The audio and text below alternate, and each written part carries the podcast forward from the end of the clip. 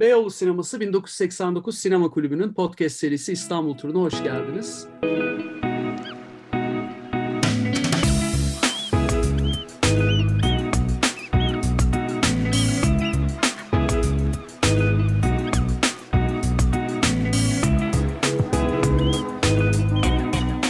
Konumuz şehirde tiyatro. Yine mahrum kaldığımız bir şey üzerine konuşacağız. Kiminle konuşacağız? Oyuncu, bence müthiş bir oyuncu. Selen Uçer'le. Selen hoş geldin. Merhaba, teşekkürler. Ee, hoş bulduk. Karlı İstanbul sabahında e, buluşmak ne güzel. Evet evet hakikaten bugün olması gereken bir manzara var. Değil mi? En sonunda en sonunda yağdı. En sonunda kavuştuk bir kış görüntüsüne. Evet. Nasıl geçiyor bu tuhaf günler? Virüslü, karantinalı, evde kalmalı, tiyatrosuz zamanlar senin için? Yani işte aslında birkaç evresi oldu ya bütün bu Covid e, Evet. sürecinin. Bahsetmiştim zaten ben ilk önceki dönemde annemin gidişiyle e, uğraştım. 15 Mart'tan. Tekrar 15 başın sağ olsun. Sağ ol. Ee, yani o yüzden hani algılamadım bile bir süre. Tahmin ederim. Çok daha büyük bir kişisel Evet. sorun olunca dünyanın şeyi ikinci planda kalıyor Evet annem Anladım, gitti dünya tahmin durdu oldu. kesinlikle. benim için. Ondan sonra işte o ilk dönemler ufak ufak bir hani konumuz tiyatro olduğu için hemen o tarafa çeki, çekeyim dedim. İşte Güle. Güle Diva'nın bir yayını oldu Vodafone sponsorluğunda onunla biraz uğraştım. Bir oyun provasına girdim ve dijital ondan daha geniş başlatırız içimdeki yangın Halil Babür'ün. Ondan sonra da e, işte yaz oldu biraz açıldı durum filan. O, o sırada da biz zaten o oyunun çekimini yaptık. Sonra tekrar kapandı. Ee, İşte ben Maltepe'de ders veriyorum oyunculuk bölümünde. Her şey online'a geçti. Oysa hani yüz yüze yapılması gereken bir ders aslında. İşte ben bir film çekimi için Adana'ya gittim. Orada işte e, üç maskeli bir şekilde bir set oldu. Şimdi bir dizi seti var ve dijital olarak da Di- Güle Güle Diva'yı Astas Online'da 27 Ocak'ta sahneleyeceğim. Ufak ufak ona hazırlanıyorum. Yani durmuş değilim ama her şey bir tuhaf. Bir tuhaf devam ediyor değil mi? Evet, Evet. yani e, geçen programlardan birinde Harun Tekin'le konuştuk. Mesela Park et seyret konserleri. İnsanlar arabayla gelip hani alkışlamak yerine selektör yapıyorlar falan. Evet Hani evet. bir yandan devam ediyor ama ve her şey böyle bir e, distopik bilim kurgusal e, şeylere bürünebiliyor bazen. Evet evet yani işte şey yapacağız. Ben de nasıl olacak bilmiyorum. Bir iki oyununu yaptı Dastas. Ben canlı oynayacağım. Canlı bir e, internetten yayın olacak. Sonra da o kaydedilecek. İşte başka yerlerde de gösterilecek. Bilmiyorum nasıl olacak. Ee, boş salona e, canlı canlı oynamak. Ee, Tam aslında bakacağız. konuşuruz diye düşündüğüm konulardan biriyle Evet, ben direkt damardan girdim yani. Çok iyi oldu Şey- söylediğin. Tiyatro için zor zamanlar. Zaten hangi konuyu seçsek bu pek değişmiyor maalesef. Geçen program konserleri konuşmuştuk mesela Doğu Yücel'le. Evet. Daha önce Azize Tan'la film festivallerini konuştuk. Hı hı. Ee, Hep olmayan şeyleri konuşuyoruz bu podcast'te. Böyle bir durum var. Evet ben bu arada bir tane e, yarı online film festivali de atlattım. İşte e, senin de yer aldığın İstanbul Film Festivali'nde işte Aşk Büyü vesaire yeni bitmişti zaten e, geçen senenin sonunda. Antalya'da açmıştık. İki koltuk aralı açık hava sinemasında e, bir İstanbul Film Festivali ulusal yarışma yapıldı. Onu da yaşadım yani bütün online versiyonları yaşıyorum bir şekilde. Onu ben de yaşadım jüri, jüri evet, üyesi olarak. evet, evet, evet. Filmi de o sayede seyretme şansım oldu. Onu da konuşuruz. Yani bu zor zamanların ben atlatılacağına inanıyorum ve inanmak istiyorum tiyatro özelinde tekrar tiyatroya dönersek. Evet. Çünkü tarihine baktığımızda şöyle bir şey görüyoruz. Yani e, tiyatro antik Yunan'dan çıkıyor bilindiği gibi. Sonra Roma İmparatorluğu'nda bir işte yükselişiyle Roma İmparatorluğu'nun organize oluyor ve Roma yıkılınca Orta Çağ'da e, tiyatro yaklaşık bin yıllığına duruyor. evet, sonra evet. e, sonra İtalya'da biliyorsun yeniden doğuyor. İşte bu komedi dell'art'la işte Evet. masklar, doğaçlamalar, Shakespeare'in Evet, de evet. etkilendiği. Yani bu aslında şunun için bunu söylüyorum. Bin yıl gibi bir ara vermiş ve yok olmamış bir sanat herhalde bu kadar kolay yok olmaz e, diye düşünüyorum. Yok olma ihtimali yok çünkü insanların birbirlerine bir şey anlatma ihtiyaçları yok olmayacak. Tiyatroda bunun tabii ki çok gereksinimi var ama işte sinemaya, e, teknolojik bazı anlatımlara göre, hani hikaye anlatımlarına göre daha e, akustik ve pratik yapılabilecek bir şey. Yani büyür, küçülür, formu değişir, işte masklı yapılır. Hani orta çağdaki o bin yıldan sonra maskla niye yapmışlar? Muhtemelen kimin ne yaptığı ilk önce gözükmesin diye. Benim e, bildiğim e, şeytanın kilisesi denmiş tiyatrolara e, ve işte orta çağda yasaklanmış. Yani şimdi de zaten orta çağ gibi bir şey yaşıyoruz diye düşünüyorum Maalesef. ben. Evet. Yani hem doğa e, tepkisi olarak işte bu hastalık hem ideolojik, sosyolojik olarak da yönetimler, işte bireyin e, çıldırması. E, Yabancı düşmanlığının her yerde yükselişi. Tabii yani işte ırkçılığın, şiddetin artması, işte devlet politikalarının karma karışık olması, işte Amerika'nın seçimlerinin tuhaflığı, bizdeki bir sürü iniş çıkışlı hal yani hani biz deyip yani Avrupa'da her yerde yani. Her yerde. Bir tür bir yani orta çağ değil işte postmodern orta çağ mı ne bileyim saçma sapan bir tanımlama yapmayayım da o tür bir yerden geçiyoruz zaten. İletişim bir garip. Tiyatroda bunun aracı o yüzden bitme ihtimali yok yani. Evet evet yani bu işte Hollandalı kültür tarihçisi e, Huizinga e, diye yazılan ismi, soy ismi daha doğrusu e, meşhur homo ludens diye bir kavram ortaya atar ya oyun oynayan insan der. Hı hı, Ve hı. aslında burada e, mühim olan tam demin konuştuğumuzla bağlantılı oyunun kültürden daha önce var olduğunu söylüyor. Tabii çünkü insan oynama güdüsü var çocuktan başlayarak. Ve oyunda zaten bir şeyin setup'ını yapıyorsun, ona inanıyorsun. Bir make believe şeklinde bir yeni gerçeklik oluşturup bir şey yapıyorsun.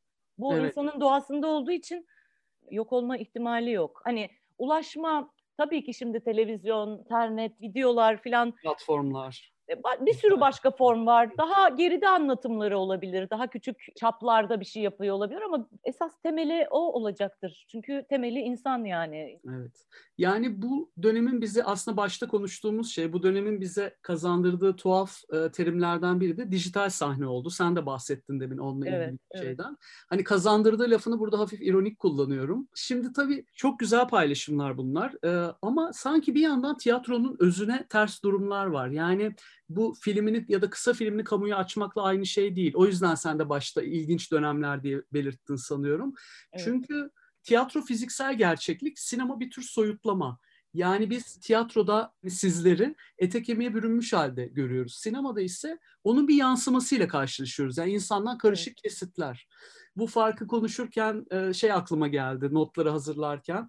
Mulholland Drive David Lynch'in e, meşhur Club Silencio sahnesi. Hatırlarsın iki karakterimiz e, o tuhaf kulübe gelirler ve e, bir adam sahneye çıkar. Evet. E, az sonra izleyeceğiniz, dinleyeceğiniz her şey kaydedilmiştir. Hı hı. Aslında orkestra yoktur falan der. Ondan sonra bir kadın çıkıp çok dokunaklı bir şarkı söyler böyle sopran sesle. E, aynen. Evet, Crying. Ay, onu da ben de tekrar izledim. Ee, ne kadar etkileyici bir sahneymiş. Değil mi? Evet, çok sen acayip. devam et. Bölmeyeyim. Yo, e, böl lütfen bu arada. Aralara gir yani. E, şöyle orada acayip etkileniyoruz. Bir de bir aynalama efekti de oluyor. Çünkü karakterlerimiz de ağlamaya başlıyor. Bizim de evet, içimiz evet. doluyor. Sonra şarkıyı söyleyen kadın takırt diye yere düşüyor ve şarkı fonda devam ediyor. Evet, ve biz seyirci olarak bunu acayip yadırgıyoruz. Sonra bir anda şeyi hatırlıyoruz. Biz uyarılmıştık. Bunlar kaydedilmiştir diye. Evet. Bu kimisi için deli saçması bir sahne ama bana kalırsa bütün bir sinema seyirciliğinin özeti. Biz kaydedilmiş bir şey o an oluyormuş ilizyonuyla ve kaydedildiğini inatla inatla unutarak e, izliyoruz. Evet. Ama işte tiyatro böyle değil. Tiyatroda e, gerçekten olan bir şey izliyorsun. Belki orada da rol var ama o rolü yapan kişi bir an için unutursa o kurmaca alemde o diğer dediğin ikinci gerçeklikte buluşuluyor. Kayıtta evet. böyle bir imkan yok aslında. Tabii ve kurgu diye bir şey var yani. Tabii ee, sinemada o, kurgu var, tiyatroda performans var aslında. Tabii yani daha real time geçiyor. Yani o bir saat, bir buçuk saat, iki saat içinde o performansın e, gerçek halini görüyorsun. Sinemada seçilmiş bir şeyleri görüyorsun. Aynen kayıt edilmiş. Yani bir e, yeni gerçeklik oluşturuyor. Bir de o sahnenin içinde bir mavi kutu meselesi var değil mi? Evet. Bir gerçeği çağırmak sembolü var mı acaba diye düşündüm Bence kesinlikle ben. var. Evet. evet. Sinema daha çok yönetmen sanatı ya. E, netekim bu bahsettiğimiz film de hani aslında David Lynch'in Freudyen bir sürü düşüncesini yani David Lynch'in seçimini full görüyoruz. Oyuncularla beraber e, oluşturduğu kayıtla. Tiyatroda e, bir takım seçimler yapıyorsun prova yapılırken tabii ki e, ve tabii ki onu yönetmen yönlendiriyor. Ama sonuçta oyun e, benim bir yönetmenim vardı cam oyununda Latin Ceylan. Yani premier yaptıktan sonra e, oyun bir yandan oyunculuğundur. Çünkü hani verdiğimiz kararları uygulamak, uygulamaya devam etmek oyuncunun sorumluluğudur. Çünkü oyuncu devam ettirir. Dolayısıyla böyle bir fark da var tabii ki. Yani tiyatroda ipler ne yaparsan yap oyuncuya kalıyor. Yani yapılan seçimleri devam ettirmek de oyuncuya kalıyor. Tabii ki yönetmen gelir arada tekrar düzenler falan onu demiyorum. Ama live şey e, tabii ki oyuncunun elinde. Kesinlikle yani çok güzel eklemeler oldu. Bir de şöyle bir durum var. Sahnede kahraman tıpkı gerçek hayatta olduğu gibi izleyicinin karşısında. Yani sen sahnede olduğunda seni bir de dışarıda gördüğünde bir kafede otururken gördüğü halini görüyor aslında. Ona yakın bir şey görüyor. Gerçek hayatta olduğu gibi görünüyorsun ama sinemada de başta söylediğim gibi parçalarından bir soyutlama var. Aslında bu nedenle de sanki özdeşlik de tiyatroda daha zor. Çünkü sinemada kamera dili, yakın plan, kurguyla o özdeşlik inanılmaz hızlı sağlanıyor. Yani daha zor olduğuna katılmıyorum. Hmm. Eğer oyuncunun ve oyunun bütün yapısı, performansı inandırıcı, samimi, gerçek ise daha bile etkili olabilir. Çünkü canlı bir şey izliyorsun. Tabii ki tiyatroda da araçlar var. Makyajdır, müziktir, Hı-hı. ışıktır bir takım şeyler var. Hani Ama orada performansın önemini görüyoruz işte. Çünkü öbür Tabii, türlü evet gerçekte gördüğün gibi görmenin etkisi daha e, şey hani kamera seni çok hızlı yönlendiriyor. Çok hızlı şartlıyor. Tabii tabii. Bir de kamera öyle bir şey ki o yüzden tiyatronun en önemli öğesi insan. Bunu e, yanlış hatırlamıyorsam Andre Bazin de e, Sinema. Nedir de anlatıyordu bu tip bir şeyi. Yani tiyatroda insan çok önemli çünkü ekrandaki dramı oyuncusuz bile yaratabiliyorsun. Hani en klasik tabii, örnekler tabii, tabii, dalgalar, e, işte bir kapının çarpması. Mesela şey geliyor aklıma American Beauty'deki uçan poşet. Evet, ee, evet, evet. Hatta sinemada mesela Quentin Dupieux otomobil lastiğinin başrolde olduğu bir film bile yaptı Rubber diye. Kesinlikle. yani, yani tiyatroda sanki insan o yüzden demin söylediğinde de e, bağlantılı bu. Yani yönetmen e, sanatı sinema bence ve e, güzel öyle olması da. Şeyde de bir zamanlar Anadolu'da da hep beraber e, o elma mıydı, portakal mıydı? Elma. Elmanın hep beraber onun e, aşağı doğru sürüklenmesini yaşamadık mı? Hani bu e, e, elma oyunculuğu. Tabii elma da tabii müthiş ki. bir örnek. Aynen demin söyledik. Evet, evet. Yani bu nedenle de mesela e, sinemada alkışlamak komik oluyor ya. Benim ilk gençliğimde çok vardı böyle Terminator'da falan herkes alkışlardı. bir de Terminatör'ü alkışlıyor olmak da lütfen şeyimizden kaçmasın dikkatimizden. Evet. Ve dijital sahnede de şimdi artık alkış emojisi falan gibi durumlar olacak herhalde Ay, geçici evet olarak. Ya. Vallahi nasıl olacak bilmiyorum. Ben de 27 Ocak'ta işte Das Das'ta biz e, yapım Das Das e, Firuze Engin yazdı. Tek kişilik bir oyun. İşte ben e, 7 karakter oynuyorum ama esas Günseli adlı kadın anlatıyor lise mezunu işte bir yaşadığı hayatı bir hastanede geçiyor olay. Ve ben de nasıl olacak o iş canlı olarak izlenecek, bilet alınacak. Bu e, sinema ve tiyatro farkı da benim bahsettiğim e, teorik e, durumlar. Çok ilgi duyduğum bir fark. O yüzden biraz uzatmış da olabilirim ama sen birçok filmde rol almış ve tiyatroda da, sahneden bakabilen biri olarak başka böyle pratik farklardan bahsetmek ister misin? Sinema ve tiyatro.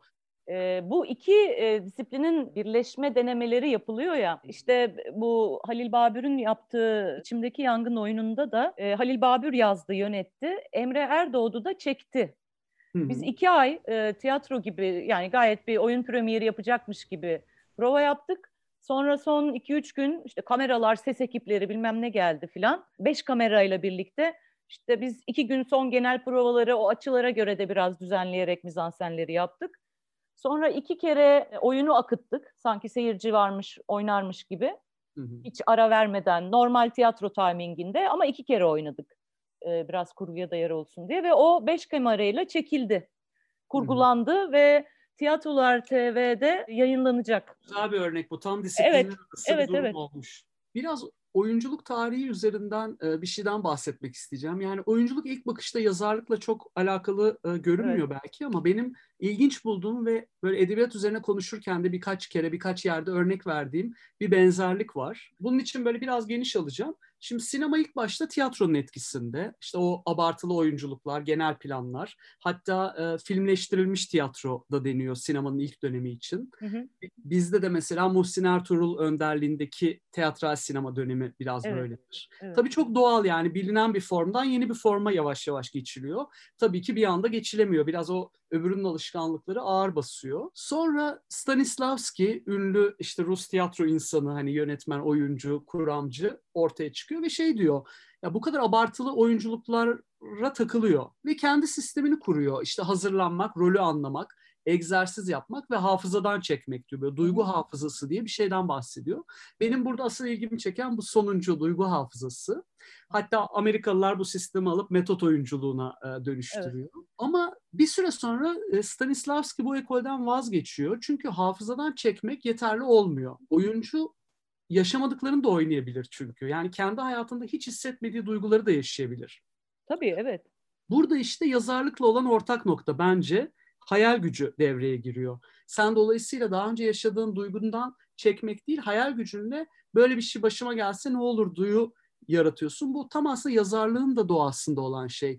Çünkü öbür türlü günlük yazarlı oluyor. Yaşadıklarını, duygularını kağıda dökmek edebiyat değil ya. Olmayan evet. bir şeyi ortaya koymak. Bu Tabii noktada ki. ben oyunculukla yazarlığı çok benzetiyorum. Sen ne düşünürsün e, bu konuda? Kesinlikle katılıyorum ve yani şöyle bir şey, oyuncular da o zaman hep kendi gibi tipleri mi oynayacak? Tabii yani. yani. E, atıyorum ben sonuçta İstanbul doğumlu İstanbullu birisiyim ama e, Suriyeli bir kadın oynamıştım 2009'da. İlk başta böyle bir yargı da oluyor. Hani kendine benzeyen şeyleri oynar ama oyuncu dediğin insan şekil değiştirir atıyorum hani ben şekilden girdim ama öbür tarafa da bağlayacağım. Monster filminde e, Charlize Theron'un kendi bildiğimiz Charlize Theron halinin bambaşka bir şekli oynaması gibi. Hani en kaba örneğini veriyorum ben. Hı. Mesela bana bir film için görüşmeler yapmıştık. Hı hı. Ee, sonra bir anne rolü benim çocuğum yok ee, ve en sonda da iki aday kaldık ve öbür aday tercih edildi. Bu gayet olabilir. Hani onu daha uygun bulmuştur yönetmen. Düşündüğüm bir şey söylemeyeceğim umarım. Yönetmen arkadaş onu tercih ettim çünkü onun tam bu yaşlarda bir çocuğu var dedi bana. Ben de tabii ki çok sinirlenmiştim o dönem. İnanılmaz bir yorummuş ya. Evet evet ve kendi bunu dediğini hatırlıyor mu ondan bile emin değilim. Hani çok bilinçle söylenmiş bir şey değil. Yani bir anlık bir hata belki de ama bir şekilde aslında süper profesyonel olmayan bir şey. Kesinlikle ee, ya. Yani şöyle bir şey oluyor hani metot oyunculuğuna geri dönersek. Atıyorum Marriage Story bir boşanma hikayesini anlatıyor değil mi? Hı hı. Ee, ben e, öyle bir boşanma yaşamadım. Ama bir takım ayrılıklar vardır ya herkesin hayatında. Tabii. O yani alıp onun ucunu oradan alıyorsun. Hani hiç Tabii. bilmediğin bir şey değil bu. Yani yazarlıkta da öyledir. Evet ya bu söylediklerinle kafamdaki benzerlik daha da bir yaklaştı. Çünkü tamamen öyle. Mesela evet. kendi içinde kötü bir düşünce, bir kötülük yapma düşüncesi geçiyor ve kendinden utanıyorsun. Ben nasıl böyle bir şey düşünürüm deyip onu bilinçaltında bir güzel bastırıyorsun ama en güzel malzeme edebiyatta da odur. Yani onu peki devam ettirelim. Onu yapsaydım ne olurdu? Evet, evet. diye onu büyütmek. Yapmadığın bir şey bir an aklından geçen bir şeyin üstüne gitmek. Sanırım diğeri böyle İtalyan yeni gerçekçilikteki benim de çok sevdiğim bir dönemdir. Kendini oynama ekolü var ya o herhalde bir tek bazı insanlar onu tek oyunculuk gibi mi düşünüyor? Mesela bisiklet hırsızlarının yönetmeni işte Sika'da şey der. Herkesin mükemmel oynayabileceği bir rol vardır kendisi. Kendini e, samimi bir şekilde oynamak zordur. Çünkü bir e, rock şarkıcısı her gün kendi olarak sahneye çıkıp atıyorum 500 bin kişiye konser veriyor ya da 500 bin fazla oldu. 100 bin kişiye yüzde fazla neyse işte 10 bin kişiye konser veriyor. Evet ama o kendi olarak orada performans yapması onun işi. Fakat oyuncu dediğin kişi aslında kendi olarak performanslar da yapılabilir. Ama oyuncu dediğin oynadığının performansını yapmaya alışıktır. Yani başka bir şeyin. Hani Selen'in değil Ayşe'nin o yüzden rockstarlıkla oyunculuk farklı bir çalışmadan ve evet. e, farklı bir yapıdan geliyor. Oturup tabii, bir karakter çevirme durumu tabii, var çünkü. Ama tabii ki oyuncu olarak da o tür bir alanı da kullanabilirsin. Ama bir oyuncunun kendini oynaması e, zordur. Çünkü o kendinin en samimi şekilde oynaman bana zor geliyor yani. Çok katılıyorum dediğine. Hatta Flaubert'in çok sevdiğim bir sözü var bu konuda. O da der ki e, insan bir şeyi ne kadar az hissederse onu gerçekte olduğu gibi ifade etme şansı o kadar yüksektir der o da mesela. Evet. Çünkü bu da tam ke- tersi yaklaşım o İtalyan yeni gerçekçilikteki yaklaşım Kesinlikle. tam tersi. İtalyan yeni gerçek o bir çok yönetmen görüşü bir şey. Hani evet. Hani oyuncular benim malzememdir. Evet öyledir de hani o malzeme de sana bir şey yaratır. Kapalı bir çiçek ya da açık bir çiçek gibi bir fark var yani. Orada bir şey yapıyorsun da o sana hikayende başka alanlar açıyor. Ve Ama bunu şundan söylüyorum. İnsan kendini oynarken şimdi oynadığımız şeyde bir yandan oyuncu olarak daha profesyonel bir şekilde yaklaşmamız gerekiyor ya. İster sinemada ister sahnede olsun. Şimdi kendinle ilgili şeyler, kendine yakın bir şey oynadığında duygusal yük çok daha ağır oluyor. Çünkü o senin duyguların gerçekten. Onlar öyle seni profesyonel değil daha duygusal şeyler bana sebep olabilir. Kendini kendine yakın şeyleri ile uğraştığında duygusal yük çok daha ağır, çok daha zorlayıcı oluyor bence. Tabii uzak açı bakışı kaybediyorsun ki bu Tabii çok ki, önemli evet, bir şey. Evet ve bunun da bir psikolojik boyutu var yani biz zaten hani oyunculuğun da tabii ki psikanalitik bir tarafı da var dediğim gibi bir takım duyguları, bir takım yaşanmışlıkları geçmişten ucunu seçiyorsun birebir anlatmasan da. Tabii ki kendini kullanıyorsun yani. Zor bir iş ya. Evet. Şu an. Yani çok katmanlı gerçekten. Kendinden evet. yola çıkıyorsun ama kendine devam etmiyorsun. Yolda evet, sanki evet. başka birine geçiyorsun. Trenden trene atlar gibi. Tabii tabii. Evet bence de öyle. Yani tiyatro konuşacağız dedik ama Beyoğlu Sineması'nın podcastindeyiz. O yüzden sinemaya girmeden olmaz. Zaten girdik de aslında ucundan. Evet, evet, evet. Tabii. Yani sinemadaki e, yolculuğundan da biraz bahsetmek ister misin? Ben mesela e, Ümit Ünal en son işte Anlat İstanbul, Ara ve Aşk Büyü vesaire de en son e, evet. seni gördüğümü hatırlıyorum. Ümit Ünal da benim işte ilk filmi 9'dan hatta senaristi olduğu sinemamızın bence en iyilerinden Teyzem'den beri e, hayranlıkla takip ettiğim bir sinemacı ve e, Aşk Büyü vesaire de muhteşemdi. İşte ben e, jüride olduğum için izleme şansım oldu ama en son şey de soracağım hani bu sinema yolculuğunun sonunda e, bunu nerede nasıl göreceğiz bu filmi? Onunla ilgili bir gelişme var mı? New York yıllarında işte yüksek lisans yaptım ben Chicago'da. Sonra da bir sene New York'ta e, oynadım Ensemble Stüdyo Tiyatro'da bir yandan çalıştım filan. O dönemde oradaki Türk Filmleri Festivali'nde Ümit'in dokuzunu izlemiştim. İşte bir de Zeki Demirkubuz filmleri izlemiştim. Türk filmleri haftaları olur ya. Milletin Star Wars izlediği dönemde ben TRT 2'den teyzemi izlemiştim ve beynime o kazınmıştı yani. O zaman yoldan çıkmışım herhalde diye. Evet Ümit'in ya. kendisine de söylüyorum.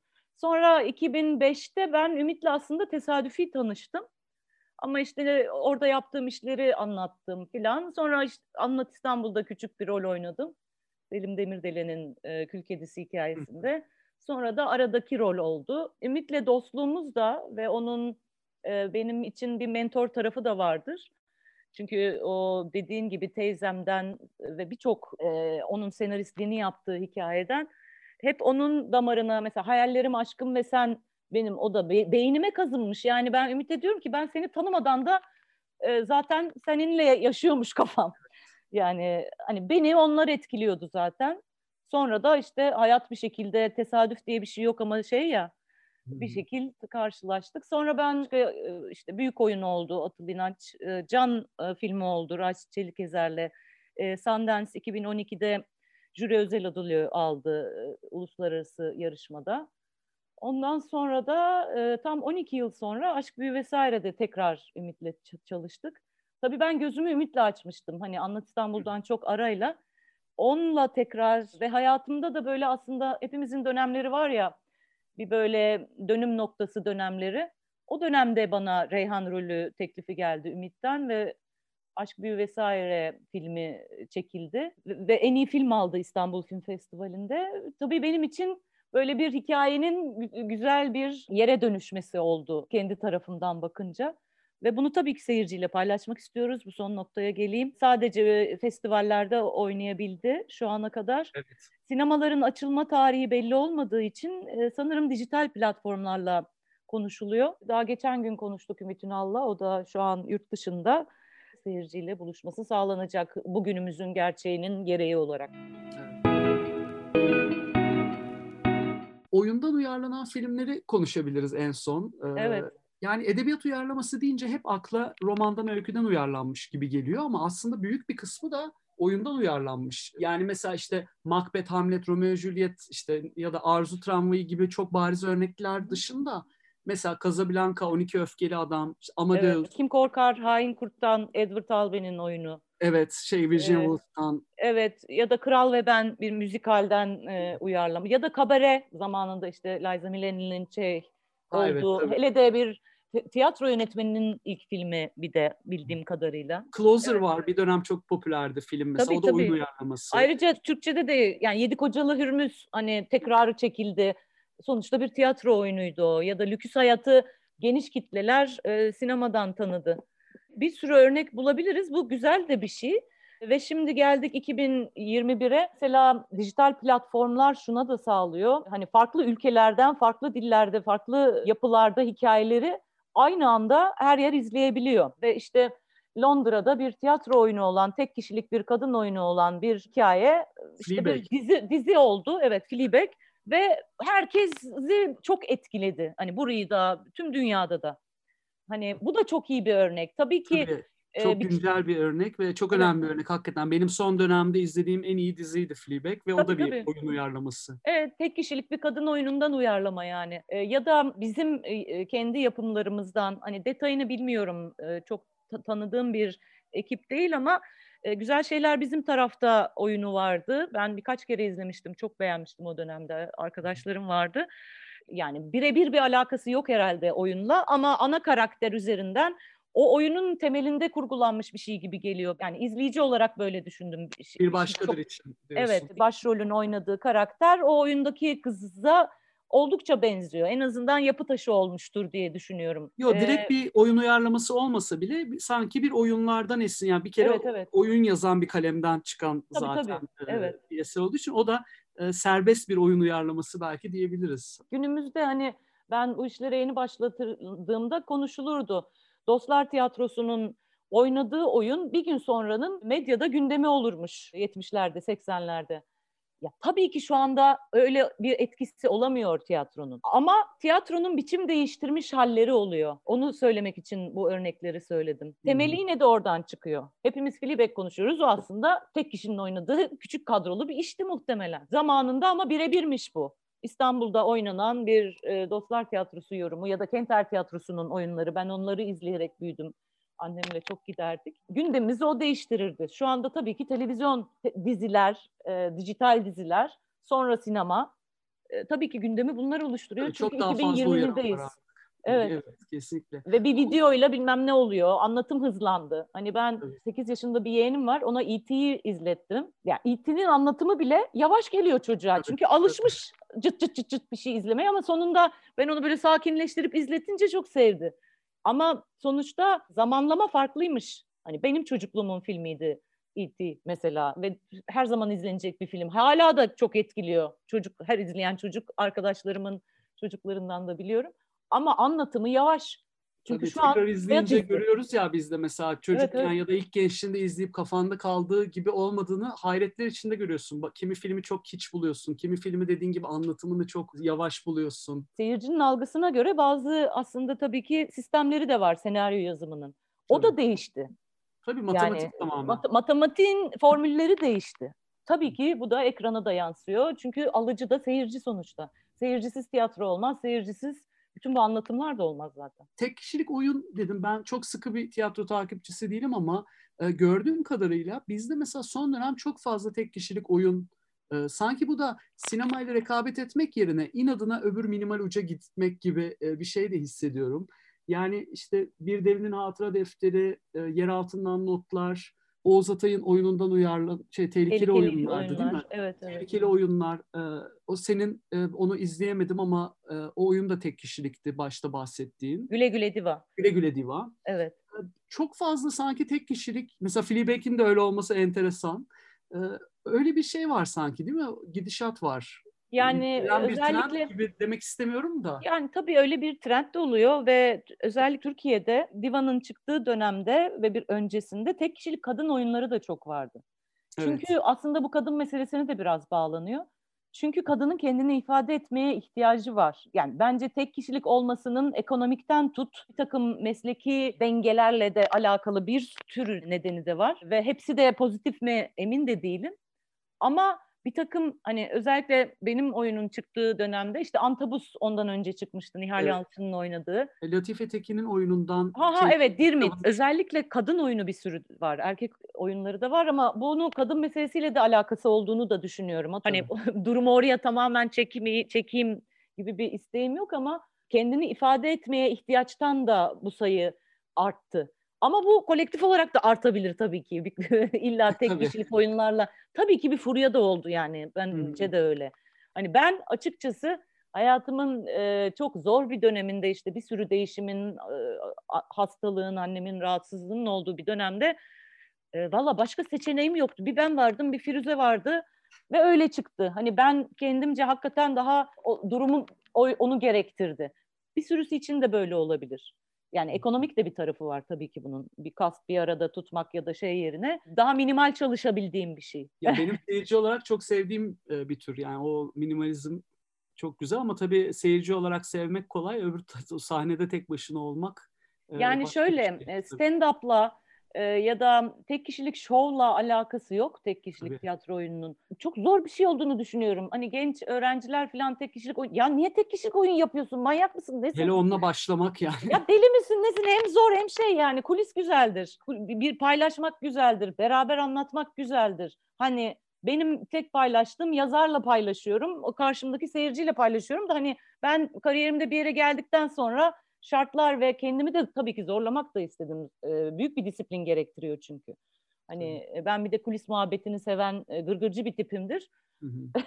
o yüzden zorlandığımı da söyleyeyim. Onu kaybediyorsun tabii. Sorumluluk sende oluyor ve hani bu yaşımda, bu yerimde iyi ki yaptım. Hani uzun sürede onu oynamak da istiyorum, e, anlatmaya devam etmek istiyorum ama... Vallahi çok teşekkür ederim Senan. Çok güzel aktı muhabbet. Yani e, sinemadan tiyatroya ikisinin farkına, oradan işte günümüz şartlarına e, geldik. Evet. Çok teşekkür ederim. Ben teşekkür ederim. Pazar evet. günüm şenlendi. Bu dönem mecburen işte bu bahsettiğin e, dijital yerlerden takip edeceğiz. E, evet. Sonrasında da inşallah e, kaldığımız yerden devam ederiz. Evet. E, ya illa devam eder. Bir yerden devam eder. Sokaktan, dağ başı bir yerden illa şey. devam eder. Sahnelerden zaten. Devam o zaman eder. çok teşekkürler. Ben teşekkür ederim. Hoşçakal. Görüşmek üzere.